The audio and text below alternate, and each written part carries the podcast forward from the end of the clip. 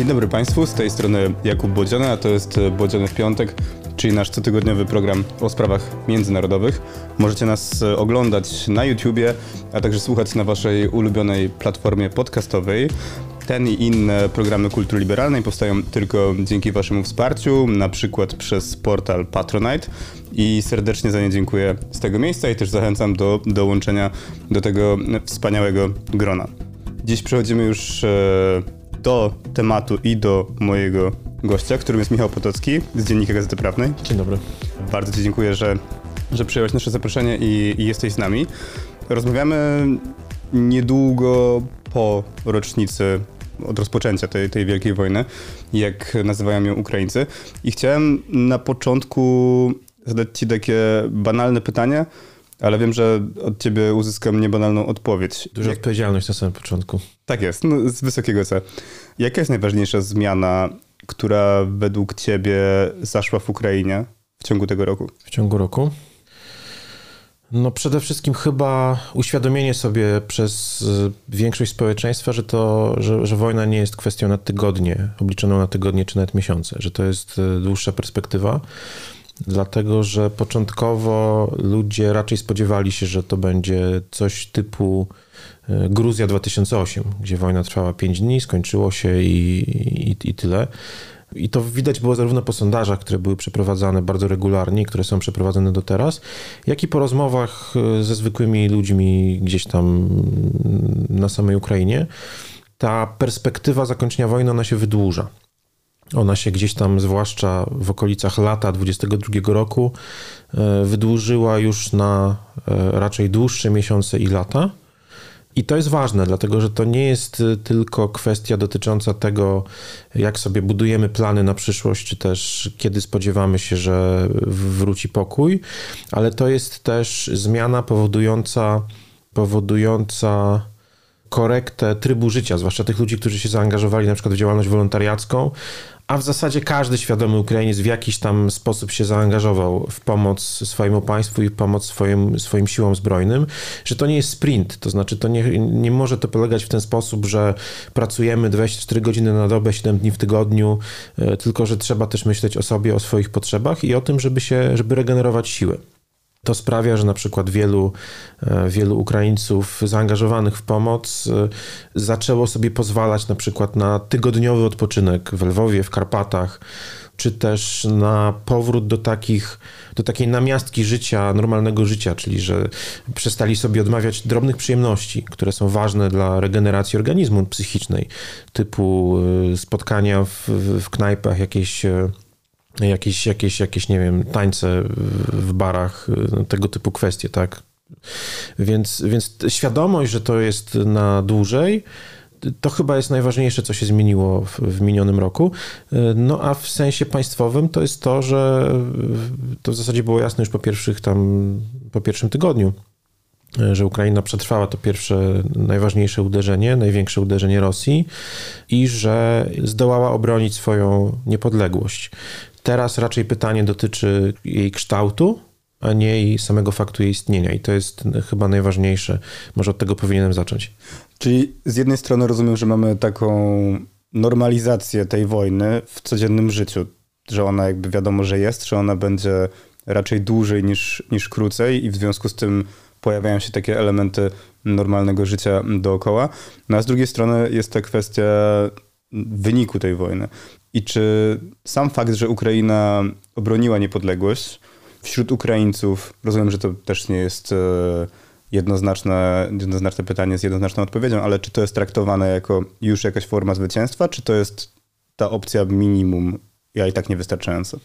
Nie, zwycięstwo to jest dopiero coś, co ma nastąpić. Jeszcze Ukraina nie wygrała, w świadomości, mówię o świadomości społecznej, natomiast zwycięstwo jest pewne. Ponad 90% świadomości. Mhm. Ponad 95, ponad 90% w każdym sondażu, ponad 90% Ukraińców mówi, że, że, że Ukraina wygra tę wojnę. Przy czym, co więcej, kiedy się pyta, co to znaczy wygrać wojnę, często są podawane bardzo optymistyczne scenariusze, to znaczy w postaci wyjścia na granicę sprzed 2014 y, roku. Czyli odzyskanie włącznie z Krymem, włącznie, włącznie z Krymem i włącznie z tą częścią Donbasu, która została zajęta w 2014 i 2015 roku w wyniku pierwszej odsłony tej wojny. I e, okej, okay, można by powiedzieć, że ludzie, zwłaszcza w warunkach wojennych, e, odpowiadają tak, jak wypada. Tak? Jest takie zjawisko w socjologii, że często się e, ukrywa na przykład, nie wiem, w preferencjach wyborczych ukrywa się głosowanie na partie, które są szeroko traktowane jako obciach. Czy... Mhm. Ale z drugiej strony ja też nie spotkałem, spotkałem tylko jedną osobę, która by nie wierzyła w zwycięstwo. Przez te wszystkie moje wyjazdy Byłem w różnych częściach Ukrainy. Rozmawiałem z bardzo różnymi ludźmi, tylko jedna osoba powiedziała, że nic z tego nie będzie. A wiesz dlaczego? W sensie, e, czy motywowała to? Tak, odpowiedź? znaczy motywowała to doświadczeniem rodzinnym. E, brat, e, brat tej osoby służył na dosyć trudnym odcinku frontu pod Wuchwedarem. Więc to była taka opowieść bazująca na dowodzie anegdotycznym z rodziny. Mhm. Bardzo też zrozumiały mechanizm, mechanizm psychologiczny. Chociaż akurat pod Wuchłedarem y, ta ofensywa, ostatnia próba y, działań zaczepnych rosyjskich zakończyła się jakimś kompletnym, y, spektakularną klęską. No tak, tam są e, filmiki na, na YouTubie, które są częścią zresztą takiego PR-owego elementu mm, toczenia tej wojny i, i chyba nawet jeden z, z nich widziałem e, chwilę przed tym, jak jak tutaj zaczęliśmy rozmawiać i tam był taki opis, że Rosjanie po raz kolejny rozbroili e, dwie miny przeciwczołgowe najeżdżając na nie po prostu i że taka, taka tam jest e, taktyka armii rosyjskiej. Oni tam stracili dziesiątki sztuk ciężkiego sprzętu, czołgów i wozów bojowych. I to jest potwierdzone wizualnie, tak? Ci jakby analitycy bazujący na danych będących w otwartym dostępie, dokumentacji fotograficznej i filmowej y, mówią o dwucyfrowej liczbie straconych y, sztuk straconego sprzętu, ciężkiego sprzętu. No bo tak naprawdę od, w, w tych ostatnich miesiącach, w tych zimowych miesiącach Rosjanie próbują, Rosjanie skupili się na trzech odcinkach, tak? Bachmut, o którym wszyscy mówią, gdzie sytuacja jest rzeczywiście naj, najtrudniejsza dla, dla Ukraińców południowa część obwodu donieckiego, czyli właśnie Wuchłedar, gdzie to skończyło się jakimś kompromitującym fiaskiem dla, dla Rosjan i północna część obwodu ługańskiego, gdzie y, działania toczą się ze zmiennym szczęściem. Natomiast y, pytanie jest otwarte, czy to już jest ta ofensywa, którą wszyscy zapowiadali. Ukraińscy politycy zachodni, eksperci, politycy, również wywiad brytyjski, no chyba tak, bo zima już się kończy. Tak jak wspomnieliśmy, nie wiem czy na antenie, ale dla Ukraińców chyba poza anteną, tak. że, że z punktu widzenia Rosjan i Ukraińców e, zima się już skończyła. Wczoraj się skończyła zima. Oni to traktują kalendarzowo, a nie astronomicznie. Tak, bo my rozmawiamy w środę, proszę Państwa. E, tak, rzeczywiście zapomniałem o tym, że rozmawiamy w środę. W tym tygodniu skończyła się zima. Tak jest. I no jeżeli tak, to znaczy, że Rosjanie nie mają czym po prostu przeprowadzić jakiejś takiej spektakularnej ofensywy. I jeden z moich rozmówców e, porównał to, co się dzieje w Bachmucie, do dwóch bulldogów, które się szczepiły szczepiły się e, szczękami i żaden z nich nie jest w stanie, nie jest w stanie ani zagryźć drugiego, ani odstąpić.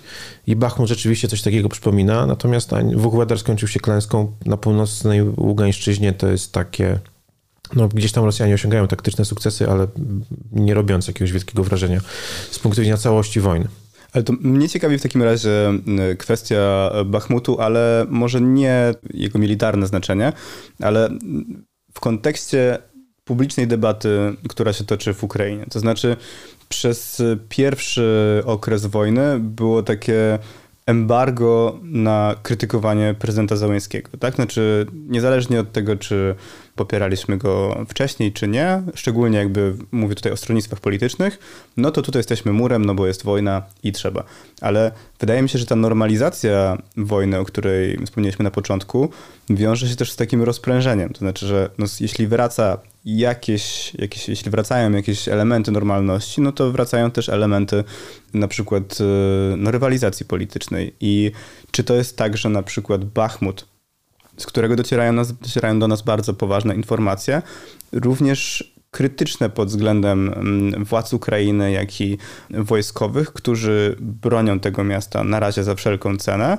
Ale mówią, że część osób krytykujących mówi, że to jest bardziej kwestia polityczna niż wojskowa, że Bachmut nie ma wcale tak, tak dużego znaczenia. Ty rozmawiałeś z Serhijem Hrabskim, z ukraińskim wojskowym e, na portalu forsal.pl. E, świetny jest ten wywiad, ale tam właśnie mówisz, to znaczy tam twój rozmówca mówi, że z wojskowego punktu widzenia to znaczenie Bachmutu jest warunkowe. No i że tutaj faktycznie można można to krytykować, czy, czy, ale czy właśnie, czy można? Pytanie jest takie, czy, czy to jest takie, że na przykład w ukraińskich mediach dyskutujemy o tym, czy Bachmutu należy bronić, czy nie? Są dwa porządki. W mediach raczej nie. W mediach krytyka jest do tej pory dosyć stonowana. nawet w tych opozycyjnych mediach, czyli powiedzmy sobie umownie mówiąc poroszenkowskich, które zostały usunięte z multiplexu cyfrowego, no tam jest dłuższa też historia polityki medialnej obecnych władz. Krytyka, ona się pojawia raczej w dyskusjach w środowiskach eksperckich, to znaczy ona raczej nie jest, jest taka świadomość, że mm, wojna oznacza, że rzeczywiście y, należy się, należy bardzo ostrożnie y, dyskutować w ogóle o celowości, sensie, błędach władz politycznych i wojskowych, ale z drugiej strony jest też świadomość, że Ukraina jest państwem demokratycznym i krytyka w państwie demokratycznym jest pozytywną, pozytywnym zjawiskiem, bo pozwala korygować błędy i pozwala, pozwala wybijać rządzących z przekonania, że są genialni i wszystko najlepiej rozumieją. W związku z czym w ukraińskich elitach tak elementy krytyki są obecne praktycznie od samego początku. Znaczy, od kiedy minął szok, od kiedy państwo się otrząsnęło z pierwszego szoku, od kiedy, a już zwłaszcza od kiedy, od kiedy wykrystalizowała się linia frontu. Znaczy na początku, na początku ta linia frontu była mocno niejasna, to znaczy Rosjanie e, szli, zwłaszcza na północy, szli na Kijów po prostu drogami, nie opanowywali terytoriów, tak? Szli, opanowywali szlaki komunikacyjne. Co potem się na nich zemściło zresztą. Co się potem zemściło, bo ułatwiło właśnie takim, w ramach takiej półpartyzanckiej działalności po prostu niszczenie ich kolumn i to Ukraińcy skupili się na niszczeniu kolumn e, z zaopatrzeniem, które były po prostu bardziej narażone na ataki. Udało się Rosjan stamtąd wyrzucić w, na przełomie marca i kwietnia. E, wtedy się front wykrystalizował, Rosjanie wycofali się z północnych obwodów. E, front się wykrystalizował mniej więcej na takiej linii, jaka teraz, jaką teraz mamy, z jaką teraz mamy do czynienia. Oczywiście z korektami, bo Rosjanie zdobyli Siewierodonieck, Lisiczańsk, Ukraińcy Ukraińcy odbili Charkowszczyznę i Hersoń, no ale to jest mniej więcej, już mniej więcej wiadomo, gdzie są Rosjanie, a gdzie są Ukraińcy. E, w lutym, marcu nie do końca to było jasne, co też nie wchodząc w dygresję od dygresji. Krótko mówiąc, od kiedy linia frontu się wykrystalizowała, od kiedy, od kiedy Kijów przestał być zagrożony bezpośrednim atakiem mm, lądowym, to wtedy elementy krytyki zaczęły się pojawiać. Zaczęło się pojawiać dużo pytań, a jak to się stało, że dopuściliśmy na przykład do takiego miękkiego wejścia Rosjan w podbrzusze na południu i utworzenie korytarza e, na Krym. Jak to się stało, no właśnie, że... To poczekaj, tylko właśnie e, to bym się chciał dopytać, no bo mówiło się o tym, że kwestia na przykład zdobycia Hersonia i to, że Rosjanie się zatrzymali na Melitopolu, e, jeśli dobrze pamiętam, dopiero, to była kwestia zdrady wśród ukraińskich służb i ukraińskich wojskowych. Jak się wydaje, były tam elementy zdrady raczej w ukraińskich służbach niż w wojsku. Inna sprawa, że no tam jest dużo pytań też o odpowiedzialność polityczną, y, bo zdrada to jest jedna sprawa, tak? Zdrajca, no, okazuje się, że jest zdrajcą, kiedy już zdradzi.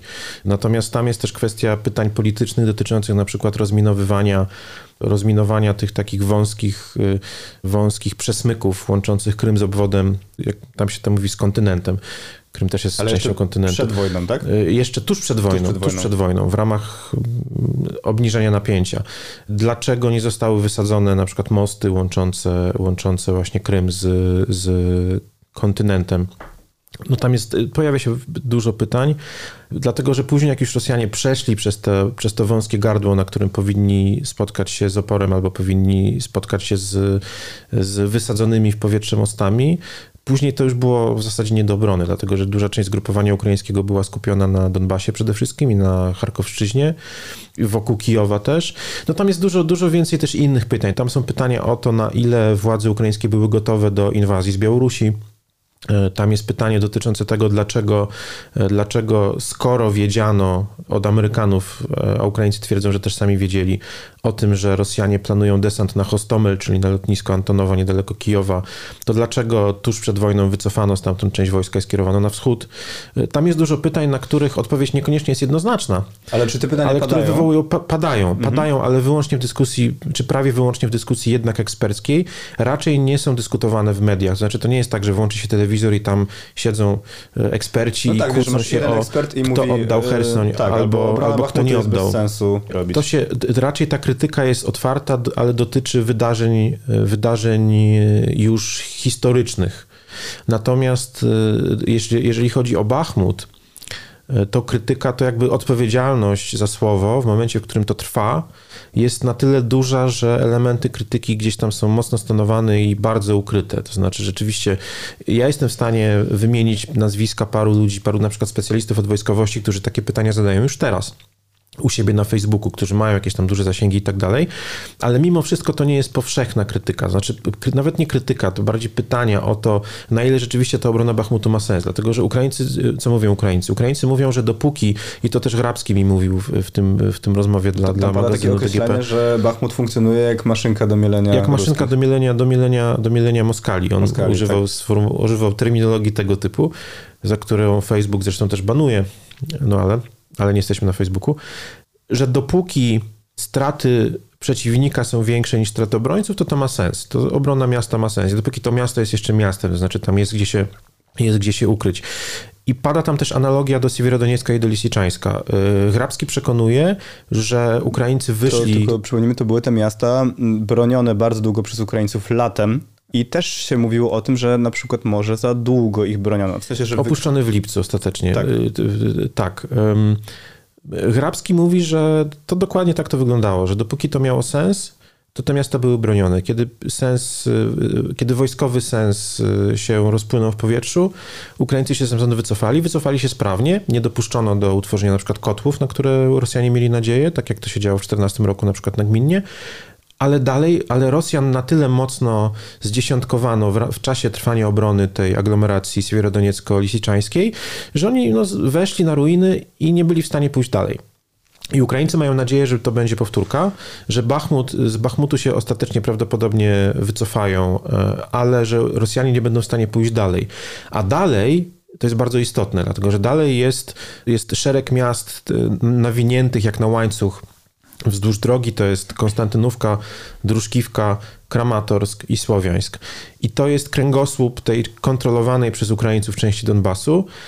Gdyby ten kręgosłup padł, to Rosjanie mogliby ogłosić sukces w postaci, w postaci wyzwolenia całości Donbasu. Czyli ten plan minimum i w tym przykład... Czyli plan minimum. Wtedy siąść do rozmów.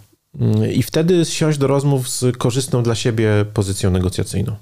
Ale wiesz, no teraz jak patrząc na Bachmut na przykład e, ze zdjęć czy filmów e, z dronów, to tam już się wydaje, że z tego miasta niewiele zostało i już mamy też informację, że ci obrońcy zostaną wzmocnieni, w sensie ukraińscy obrońcy zostaną wzmocnieni przez posiłki z innych części kraju. Czyli na razie jest, rozumiem, taka narracja, że warto tego bronić. Narracja tak, ale z tego, co, z tego co wiemy z Bachmutu, przynajmniej jakąś część ciężkiego sprzętu wycofano. I no zobaczymy, tak naprawdę te wiadomości są bardzo, doniesienia stamtąd płynące są trudne do zweryfikowania. Co ciekawe, Siergiej Markow, który jest takim proputinowskim komentatorem już teraz, kiedyś bardziej wpływowym, teraz już takim bardziej internetowo wpływowym, mhm. y, używa dokładnie tego samego argumentu co do Bachmutu.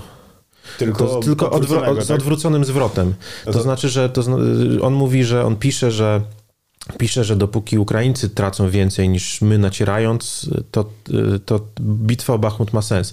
Mam wrażenie, że to jest też kolejny, kolejny moment, w którym to Ukraińcy mówią prawdę, a nie Rosjanie, dlatego że, dlatego, że nawet z czysto teoretycznego punktu widzenia to nacierający traci więcej niż, niż, niż broniący się.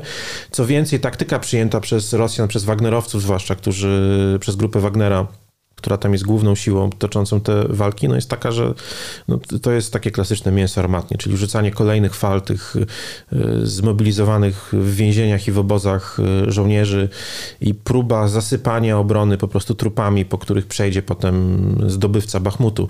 Natomiast, y, natomiast to jest ciekawe, że obie strony w zasadzie traktują, czy w narracji wokół Bachmutu jest podobna, tylko że z odmiennym zwrotem.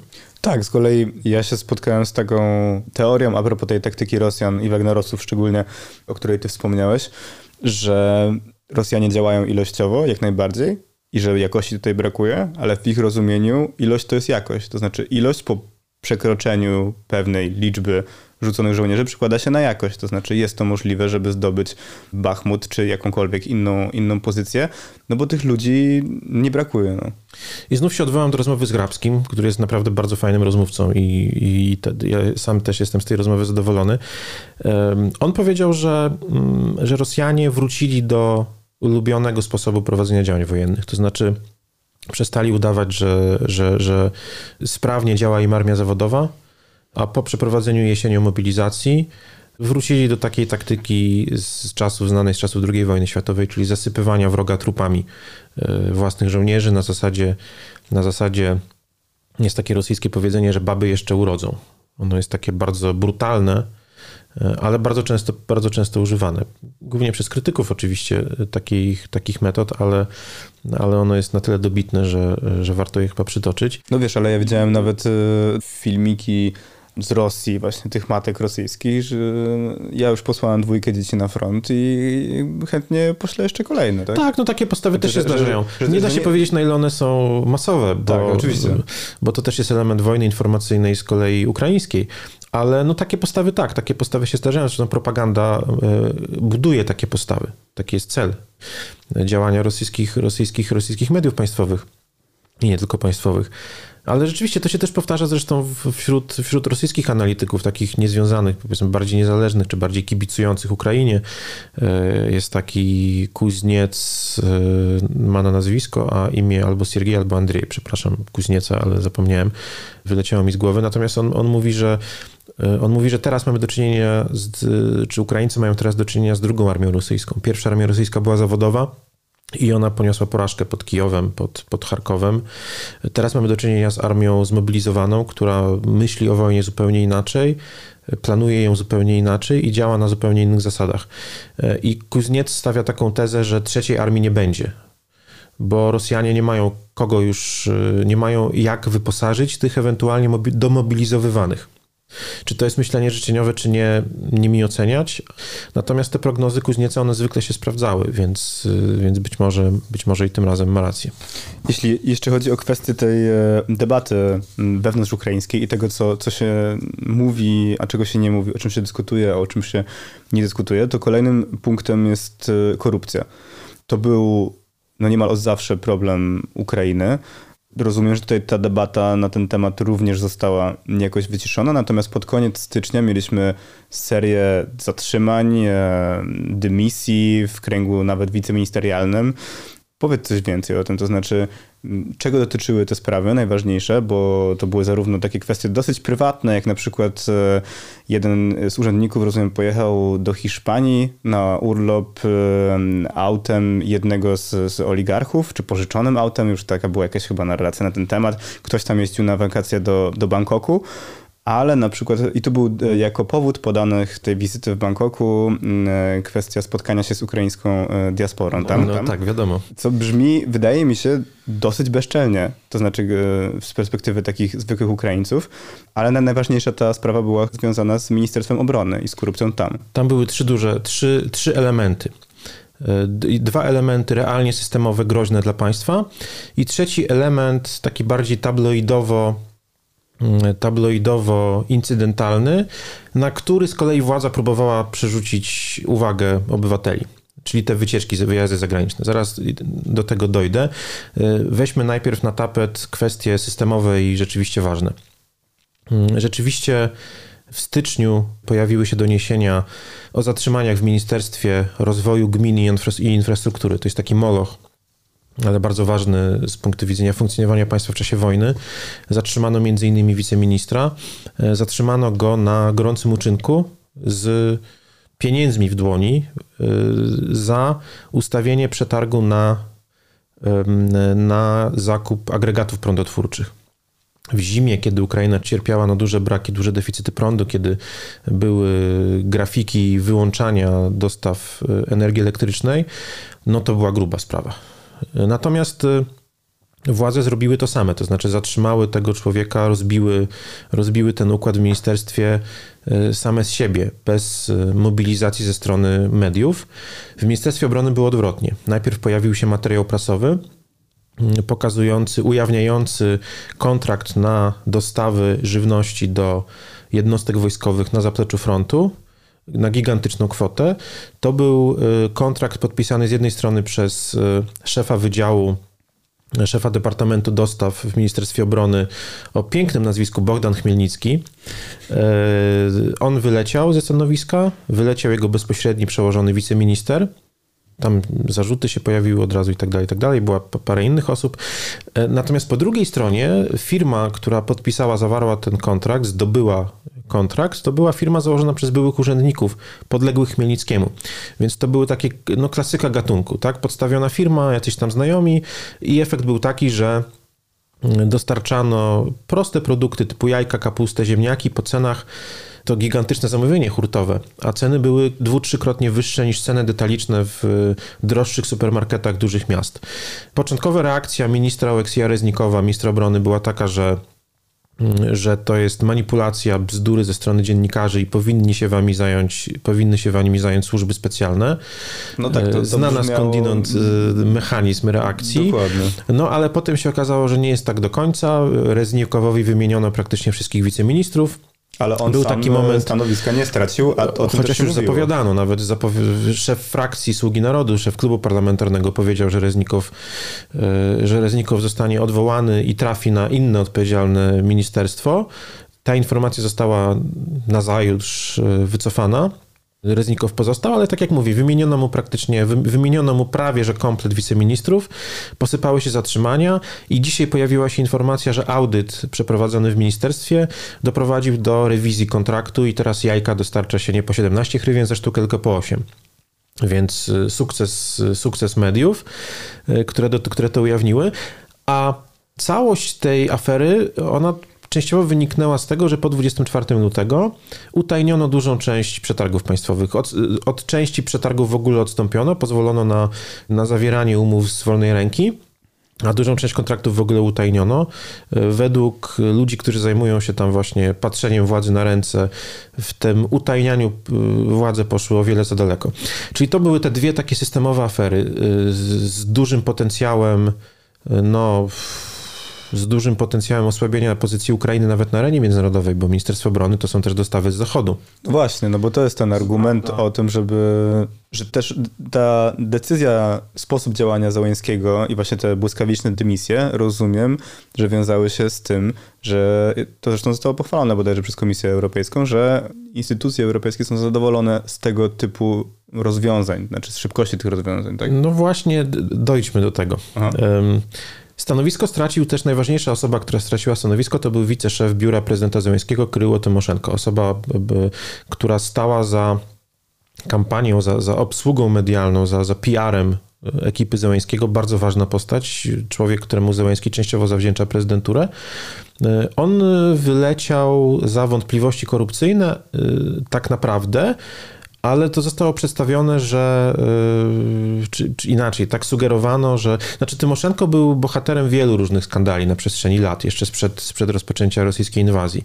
Yy, w ostatnim czasie, i to jest to, co chyba przelało czarę goryczy, to było wykazanie mu jeszcze pod koniec ubiegłego roku, że jeździ po Kijowie samochodem służbowym, który trafił na Ukrainę z darów humanitarnych i miał służyć wywożeniu, ewakuacją ludności cywilnej tam z terenów zagrożonych e, działaniami e, wojennymi i dostarczeniem pomocy. To był taki SUV e, dosyć drogi i też na pewno bardzo komfortowy i Tymoszenko, no to już była przesada. To już była przesada. E, jednocześnie władze przeprowadziły szereg takich bardzo spektakularnych i czasami wyglądających na pokazuchę e, przeszukań w biurach należących do różnych wysoko postawionych byłych urzędników, ale też w biurze e, oligarchii Igora Kołomojskiego, które to przeszukanie wyglądało na największą pokazuchę. I to było w przeddzień, w przeddzień szczytu Unia-Ukraina, który był istotny z punktu widzenia dalszych kroków na rzecz integracji europejskiej.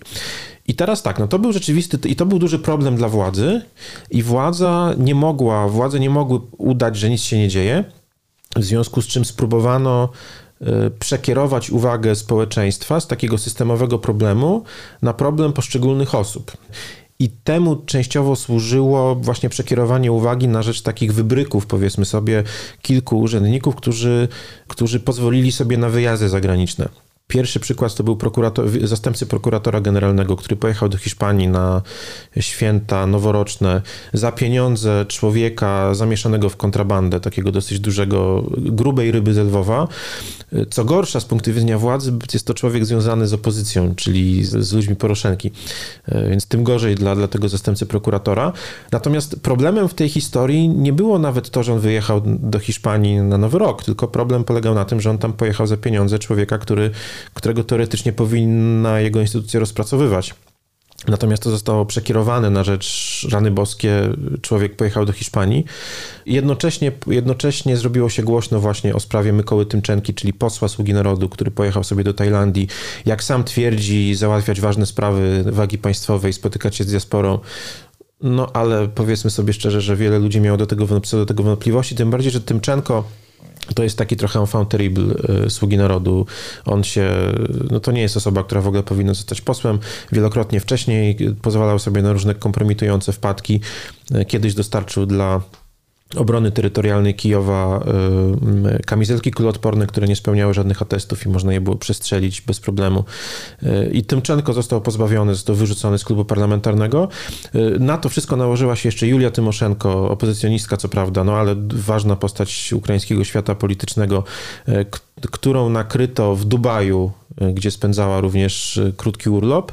I po tym wszystkim media to na wszystko nagłośniły, zwłaszcza kwestię Tymoszenko, no bo nie nasza, w sensie nie nasza, nie z obozu władzy. I władze na to zareagowały zakazaniem wyjazdów zagranicznych w ogóle urzędnikom państwowym.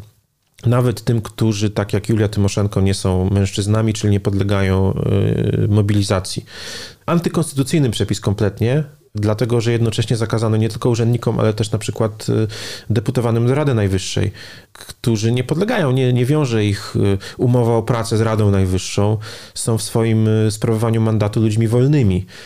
No ale mm, szeroko. Więc to jest mieszanka realnego systemowego problemu z problemami takimi pudelkowymi i jednocześnie próbą to jest moment, w którym bardzo łatwo było przeanalizować zasady, y, zasady PR-u ze strony władzy, to znaczy w jaki sposób Czyli przekierowanie tego przekierowuje tak pudelkowo, a nie Przekierowuje się odwagę, no bo, no bo zawsze łatwiej powiedzieć, że mamy w swoim kręgu czarne łowce, Tymczenkę, który sobie pojechał do Tajlandii, wyrzucamy go z klubu, ręce są czyste. Niż powiedzieć, że mamy problem w postaci takiej, że w Ministerstwie Obrony y, ustawiano nam w kraju, który nie grzeszy, y, nie grzeszy nadmiarem pieniędzy na obronę ustawiono przetargi, które powodowały, że, mi, że budżet państwa płacił ogromne pieniądze, zawyżone pieniądze za dostawy jajek i, i kapusty dla, dla żołnierzy. Tak, jeszcze wspomniałeś o tym przeszukaniu jednego z domów Igora Kołomojskiego, czyli jednego z najbogatszych e, Ukraińców, jednego z najpotężniejszych oligarchów. Zresztą byłego ojca chrzestnego kariery Załęskiego, kiedy ten jeszcze startował w wyborach. Ale tam był taki obrazek, bo zostały ujawnione zdjęcia z tego przeszukania. Dla mnie dosyć symptomatyczny. Znaczy, funkcjonariusze bodajże SBU, jednej ze służb e, ukraińskich, przeszukiwali ten dom, ale jednocześnie zdjęli buty, bo tam były takie, takie piękne drewniane posadzki w ogóle no taki dom, no, no bardzo ładny, ale żeby, rozumiem, przeszukać, ale no też bez przesady, tak? W sensie z pewnym szacunkiem. Nie przypominam sobie, żeby rzeczywiście, żebym wcześniej widział e, zdjęcia z przeszukania, gdzie funkcjonariusze zdejmują buty i zachowują się w taki demonstracyjnie grzeczny sposób. E, poza tym to przeszukanie było dosyć błyskawiczne, bo ono trwało niecałą godzinę.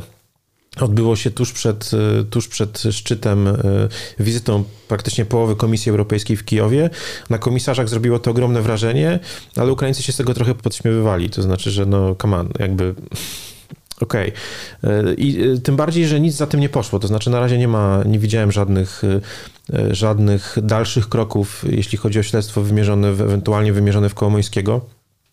Kołomoński, co prawda, relacje Kołomońskiego z Zełęskim są trudne i to trudne są od, od dawna, odkąd, odkąd Zełęski przeforsował ustawę uniemożliwiającą Kołomońskiemu odzyskanie banku znacjonalizowanego jeszcze w czasach Poroszenki, a przecież wsparcie Kołomońskiego dla Zełęskiego miało jeden cel, to znaczy Kołomoński chciał odzyskać bank. Chodziło o to, żeby wybrać sobie prezydenta marionetkę, który załatwi to, co, czym napsuł krew Kołomońskiemu Poroszenko.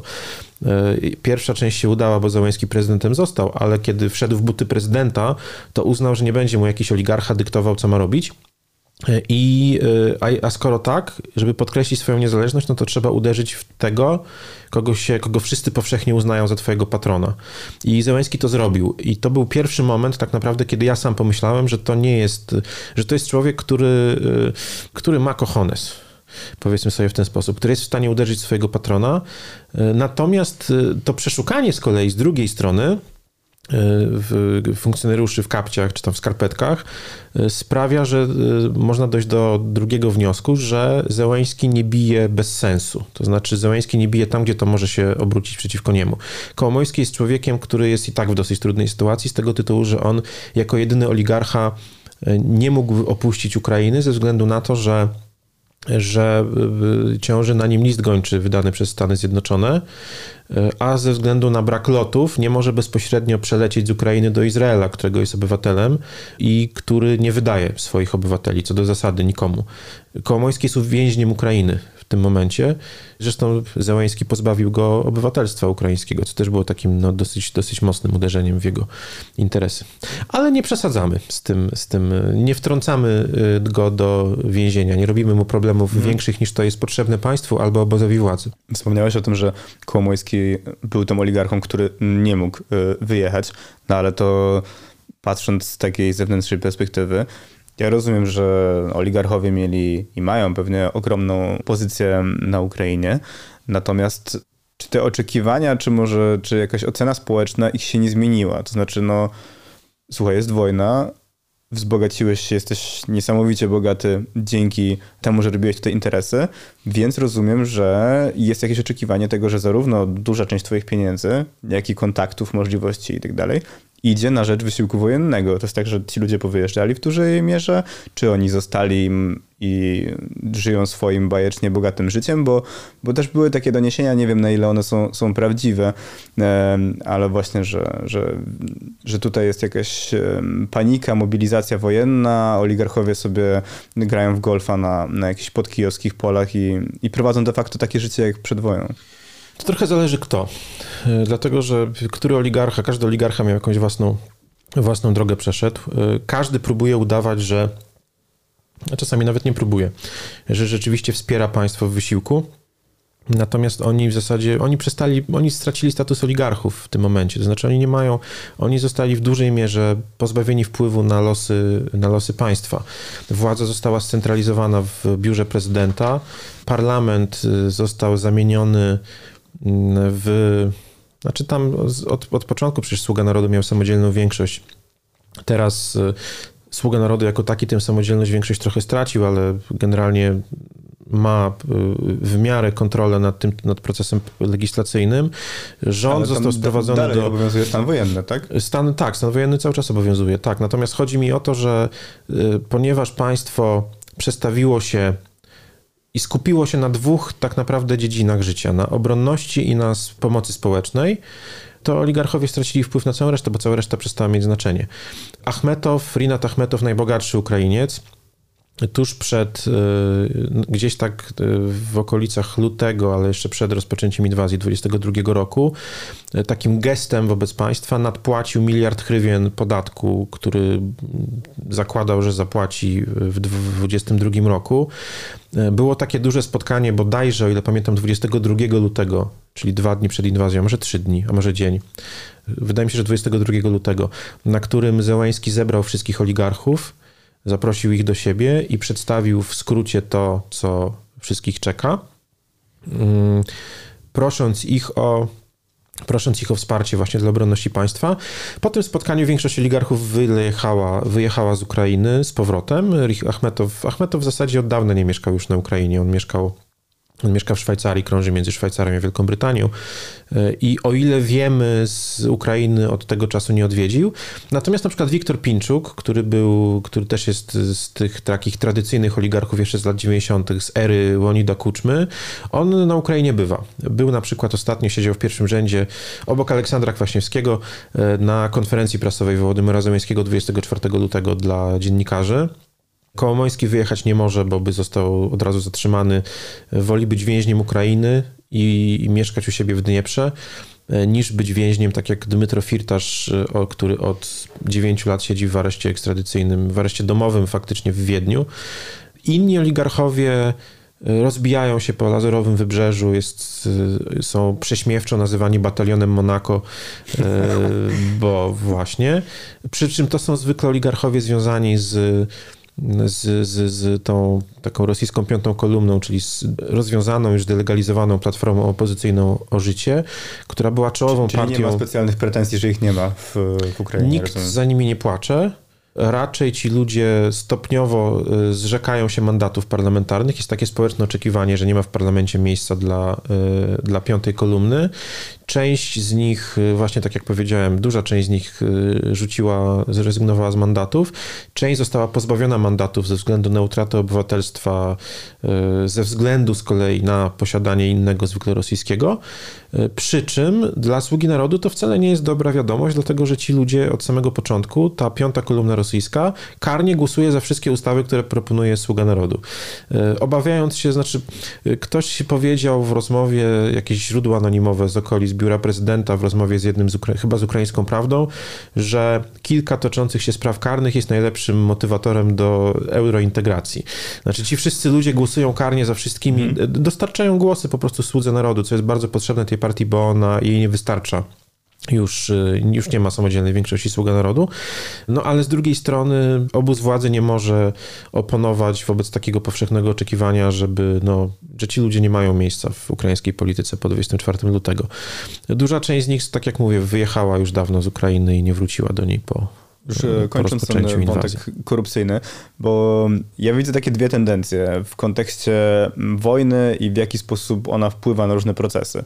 I z jednej strony można byłoby powiedzieć, że to, o czym ty wspomniałeś, że na przykład te przetargi różnego rodzaju zostały utajnione albo przyspieszone, uproszczone, to też jest zrozumiałe, szczególnie biorąc pod uwagę właśnie jak dramatyczny i też tak naprawdę no, niepewny, bo to, że ten pierwszy etap wojny się skończył tak, a nie inaczej, w żaden sposób nie było przesądzone. Więc to zrozumiałe ale to generuje, zwiększa to ryzyko właśnie procesów korupcyjnych, tego, że no, wybieramy taką, a nie inną, inną firmę i tak dalej. Ale z drugiej strony można powiedzieć, że wojna przez to, że sytuacją jest zupełnie nadzwyczajną, ten nacisk zarówno zewnętrzny, czyli partnerów zachodnich, którzy dają te pieniądze, jak i wewnętrzny, czyli społeczeństwa obywatelskiego, które zawsze na Ukrainie było bardzo silne, jak i dziennikarzy, no on jest dużo, dużo wyższy. W związku z tym y, możliwości, czy, czy raczej opinia społeczna na temat korupcji to już nie jest, a no, politycy kradną, zawsze się tak zdarza, wiadomo jak jest, swoje, swoje każdy musi ukraść, tylko że no, no nie no, chwila, jest wojna, to nie można już takich rzeczy robić. To do której ci jest bliżej?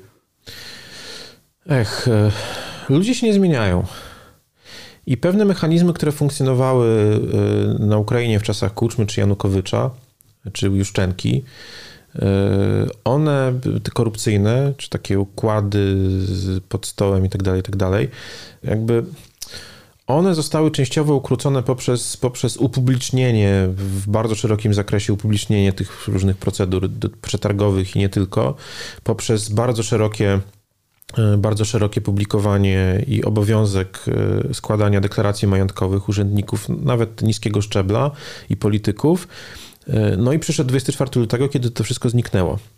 E, I rzeczywiście jest duża obawa, że ludzie wrócą, że duża część urzędników i polityków wróci do takiego, do tego, do czego byli przyzwyczajeni w czasach Janukowycza, czyli do dosyć swobodnego dysponowania środkami publicznymi, tak to ujmijmy, bo nie ma tej kontroli społecznej. Natomiast jest też dosyć, chyba, przynajmniej na szczytach władzy, jest świadomość tego, że w pierwszym momencie, kiedy tylko ktoś wykaże Ukrainie, że na przykład broń dostarczana z zachodu trafia na czarny rynek, albo że pomoc makrofinansowa ta z zachodu trafia do kieszeni urzędników, e, to będzie cios e, e, porównywalny z utratą Hersonia. W sensie z, utratą Hersonia w pierwszych dniach inwazji. W takim sensie, że to może bardzo poważnie zaszkodzić dostawom, dlatego że zmobilizuje przeciwników Ukrainy w państwach zachodnich do podkręcenia retoryki o tym, że Ukraińcy kradną i nie ma sensu im pomagać.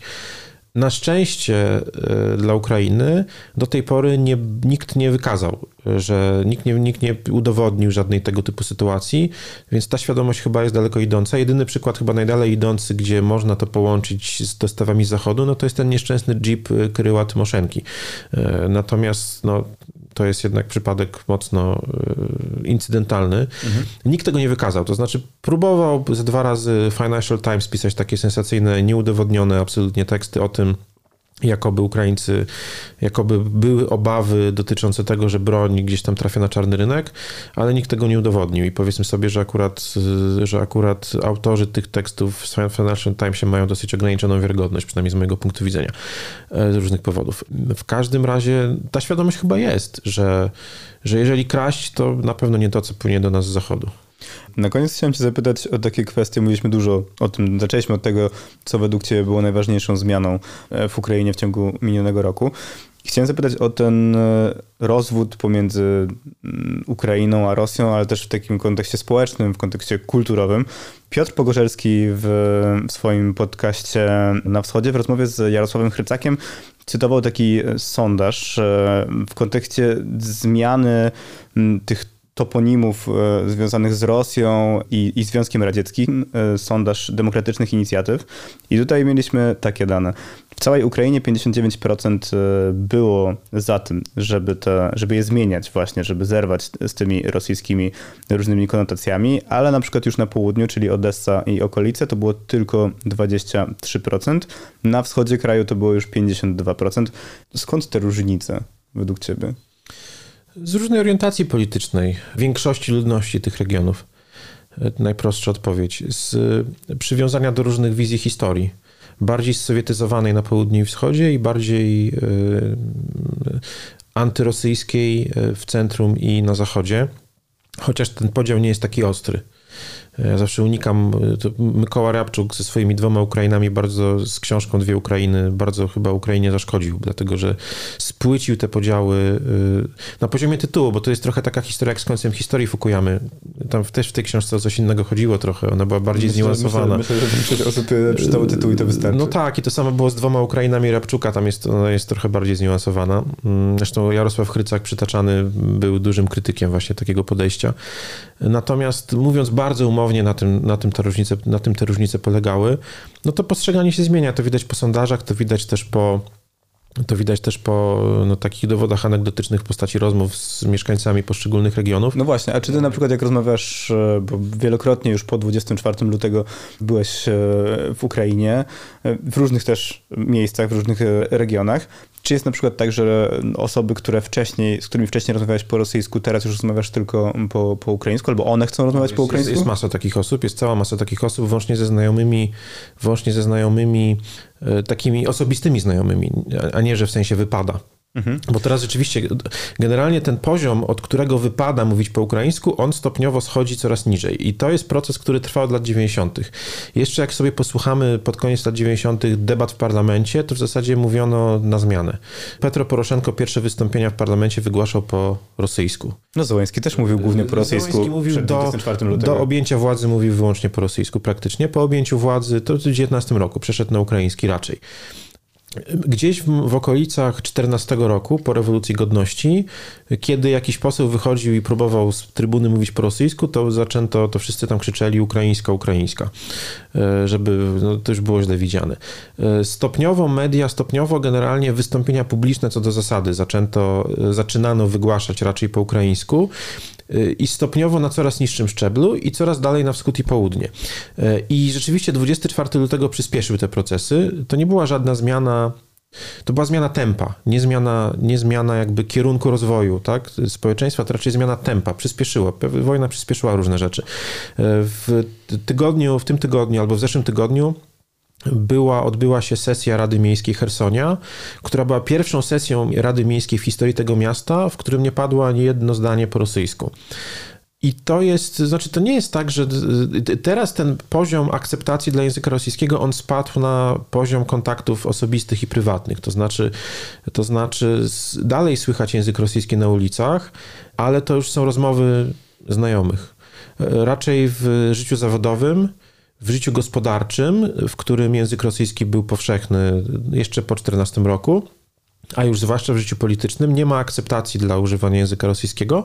Co więcej, y, jakby y, zasada, że używa się w w pracy języka, czy w stosunku zawodowym, profesjonalnym, w wystąpieniach publicznych urzędników języka ukraińskiego, to jest zasada zapisana w prawie, w przepisach. Można kogoś ukarać grzywną za to, że na przykład, nie wiem, jest mm, komendantem policji i udziela y, mediom komentarza w języku rosyjskim. Natomiast nikt specjalnie na to nie zwraca uwagi.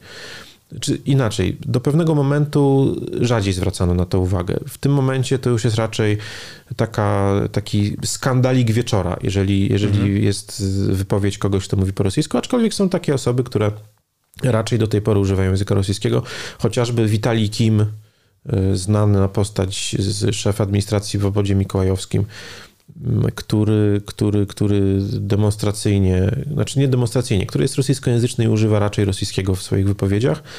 Proces trwa. I proces idzie w stronę raczej wykorzeniania języka rosyjskiego. Czy on jest odwracalny według Ciebie? Moim zdaniem, moim zdaniem, co do zasady, nie jest odwracalny w sensie, dlatego że to jest logiczny, logiczny element rozwoju społeczeństwa ukraińskiego trwający od lat 90. Więc ta tendencja jest bardzo wyraźna, aczkolwiek to nie jest tak, że nie cofnie się tam o kilka procent. W sondażach, w sondaży wynika, że że 20%, o ile dobrze pamiętam, że 20% y, społeczeństwa ukraińskiego mówi, że y, zaczęło używać języka rosyjskiego rzadziej niż dotychczas. Czyli i tak mówimy o grupie, która albo była dwujęzyczna w życiu codziennym, albo była wyłącznie rosyjskojęzyczna. Część rosyjskojęzycznych przechodzi na dwujęzyczność, część dwujęzycznych odrzuca język rosyjski. E, mam wielu znajomych, którzy w różnych momentach historii, zwłaszcza po 14 roku, przechodzili na ukraiński, na przykład w prowadzeniu swoich e, kont na mediach społecznościowych, w mediach społecznościowych. To jest taki papierek lakmusowy bardzo często, który język dana osoba używa jako ten dominujący. E, mam znajomych, którzy do pewnego momentu byli rosyjskojęzyczni, a potem pryncypialnie przeszli na język ukraiński również w relacjach, również w kontaktach osobistych Wyłącznie tam, nie wiem, z, w rozmowach z rodzicami rosyjskojęzycznymi, tak, że przechodzą również na ukraiński. Bardzo często ci rodzice też przechodzą na język ukraiński w, te, w, te, rozmowie. Znaczy, problem językowy zawsze był wyolbrzymiany na Ukrainie. Każdy Ukrainiec rosyjskojęzyczny przynajmniej rozumiał język ukraiński i każdy Ukrainiec ukraińskojęzyczny przynajmniej rozumiał język rosyjski, nawet jeżeli nie posługiwał się tymi językami w stopniu takim ultrapłynnym. Mhm. E, więc to nigdy nie był problem realny społeczny. On był często podkręcany przez partie polityczne, z jednej strony ultranacjonalistów, a z drugiej strony przez partie prorosyjskie, żeby na tym e, grać tak, w czasie kampanii wyborczych i kampanii politycznych. E, natomiast tendencja jest jednoznaczna. Ukraina się ukrainizuje ukrainizuje się w ramach procesu stopniowo. Państwo w tym pomaga poprzez wprowadzanie kolejnych przepisów zobowiązujących w różnych aspektach życia do używania języka ukraińskiego w mediach, w pracy, w, w, stosunkach, na przykład, nie wiem, jak się wchodzi do sklepu, to generalnie y, sprzedawca ma się zwrócić po ukraińsku, a później ewentualnie, jeżeli klient y, odpowie po rosyjsku, ma prawo do przejścia na rosyjski. No tam są tego typu, tego typu, często trudne do egzekwowania, bo trudno sobie wyobrazić, żeby, nie wiem, gdzieś w Odeście na przykład y, sprzedawca zwrócił się po ukraińsku do klienta. Zdarza się, ale, ale to nie jest norma. Natomiast, natomiast no, proces trwa.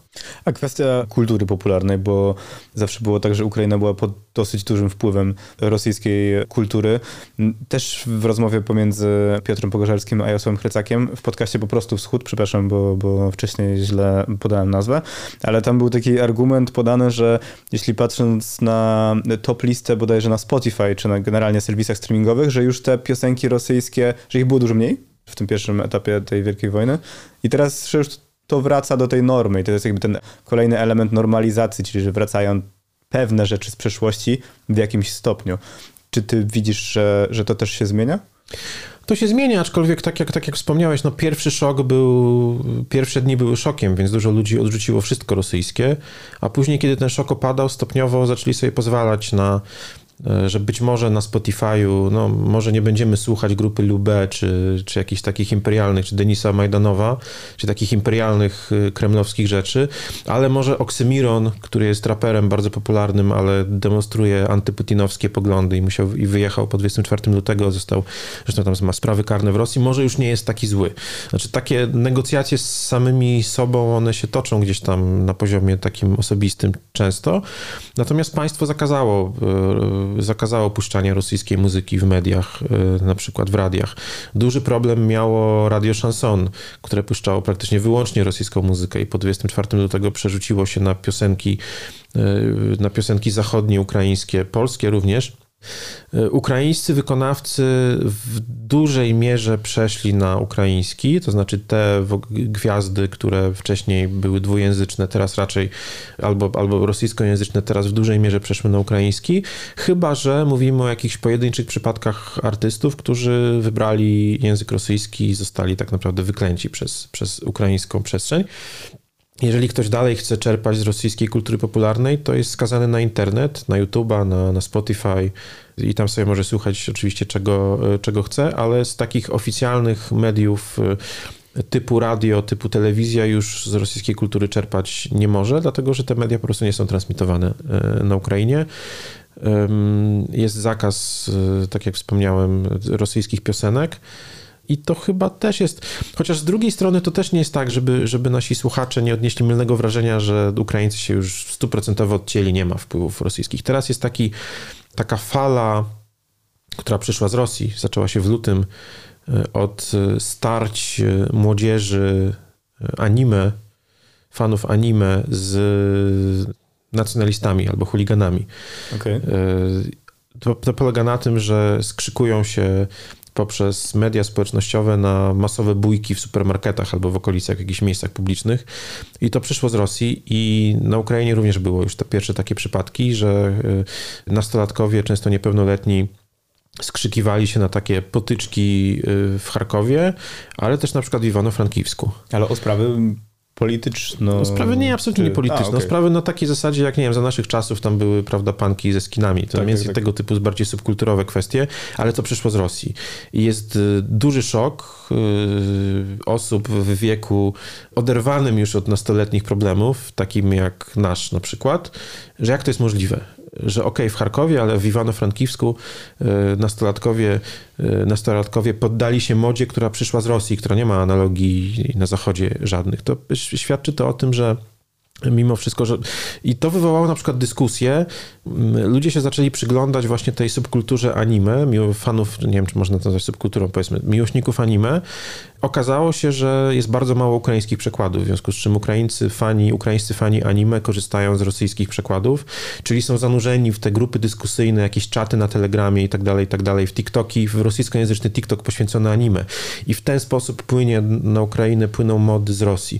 To jest bardzo, to jest, to brzmi niszowo, zwłaszcza dla czytelni, dla słuchaczy, którzy mają więcej niż tam 20 parę lat, ale to jest istotne, dlatego że to jakoś tam pokazuje, że że to, ten proces odrywania się y, Ukraińców od, od Rosjan nie wszędzie przebiega z równą prędkością i na przykład dawniej było tak, że ludzie, którym zależało na tym, żeby odrywać młodzież od y, rosyjskiego kontekstu, na przykład ścigali się na przykłady Harry'ego Pottera. Chodziło o to, żeby nowe tomy Harry'ego Pottera wychodziły po ukraińsku szybciej niż po rosyjsku, bo wtedy młodzi będą korzystać, będą wystawać w kolejkach po ukraińskojęzyczne przekłady Harry'ego Pottera, a nie będą kupować rosyjskich. I y, wrócono do tego pomysłu teraz, że może trzeba w jakiś sposób sprzyjać, żeby to ukraińskie anime było szybciej pojawiało się w ukraińskich przekładach, bo w ten sposób y, y, młodzi fani nie będą sięgać po rosyjskie i będą się odrywać się rzeczy od, od, od tego kontekstu. Natomiast to jest dyskusja to jest taka sensacja tygodnia oczywiście, która pewnie za tydzień już nie będzie aktualna, ale to pokazuje, że ten proces nie jest, nie przebiega równomiernie we wszystkich dziedzinach życia, we wszystkich grupach wiekowych, subkulturowych, kulturowych itd., tak itd. Tak już na koniec, bo rozmawiamy o różnego rodzaju procesach, które przebiegają szybciej lub wolniej i one co do zasady brzmią optymistycznie, natomiast coś, co z polskiego punktu widzenia pewnie budzi zaniepokojenie, to jest stosunek i zmiana tego stosunku Ukraińców do postaci Stepana Bandery. W ciągu tego roku znacznie wzrosła aprobata wśród Ukraińców tej postaci i wydaje mi się, że w Polsce było takie do pewnego stopnia uzasadnione chyba oczekiwanie, że zarówno kwestia może tej, tego nowego pojednania polsko-ukraińskiego, tej, tej reakcji polskiego społeczeństwa na, na wojnę w Ukrainie zmieni stosunek do Ukraińców do Bandery, ale też, że Ukraińcy mają bardzo dużo nowych bohaterów. Tak? Znaczy, że ten panteon narodowych bohaterów można byłoby jakoś zmodyfikować w takim celu, żeby niekoniecznie banderę święcić. Jak ty do tego podchodzisz? To jest trochę tak, że no oczywiście, że tak, że za 5 lat będą na Ukrainie ulice Załużnego, Syrskiego. Pewnie prezydent Załęski by chciał, żeby też były jego ulice. Zobaczymy, jak to będzie z tym dziedzictwem politycznym, e, jak ono będzie ocenione po latach. Natomiast to nie jest tak, że można coś narzucić. Znaczy, Ukraina nie jest, posiłkując się hasłem Leonida Kuczmy, Ukraina to nie Rosja. W Rosji można coś narzucić. Władze centralne w Kijowie nie są w stanie narzucić, są w stanie narzucić derusyfikację na fali wojny nazw. Ja sam zwykle mieszkałem, lubiłem mieszkać w takim apart hotelu przy ulicy Puszkińskiej w Kijowie. Ona już nie jest puszkińska. Znaczy Puszkin też został zderusyfikowany są w stanie narzucić właśnie na fali, ale nie są w stanie, nie są w stanie absolutnie zmusić nikogo do tego, żeby się, żeby nie nazywał ulic nazwiskiem Stepana Bandery. Y, to nie jest coś, co jesteśmy w stanie zrobić, natomiast to jest zła wiadomość, a dobra wiadomość jest taka, relatywnie dobra, że Bandera jest kompletnie wyzuty z, z, z antypolskości, z świadomości społecznej ukraińskiej. On jest, on jest takim on jest bo mitem. Bo, bo tej świadomości Ukrai Ukraińcy... antypolskości Bandery nie ma? Nie ma, nie ma, nie ma, nie ma, nie ma, nie ma świadomości antypolskości Bandery w szerokiej świadomości Ukraińców. No to może to jest problem. Moim zdaniem tak, dlatego że za tym idzie, to się wiąże z, z nieświadomością antypolskiej działalności ukraińskiej armii powstańczej.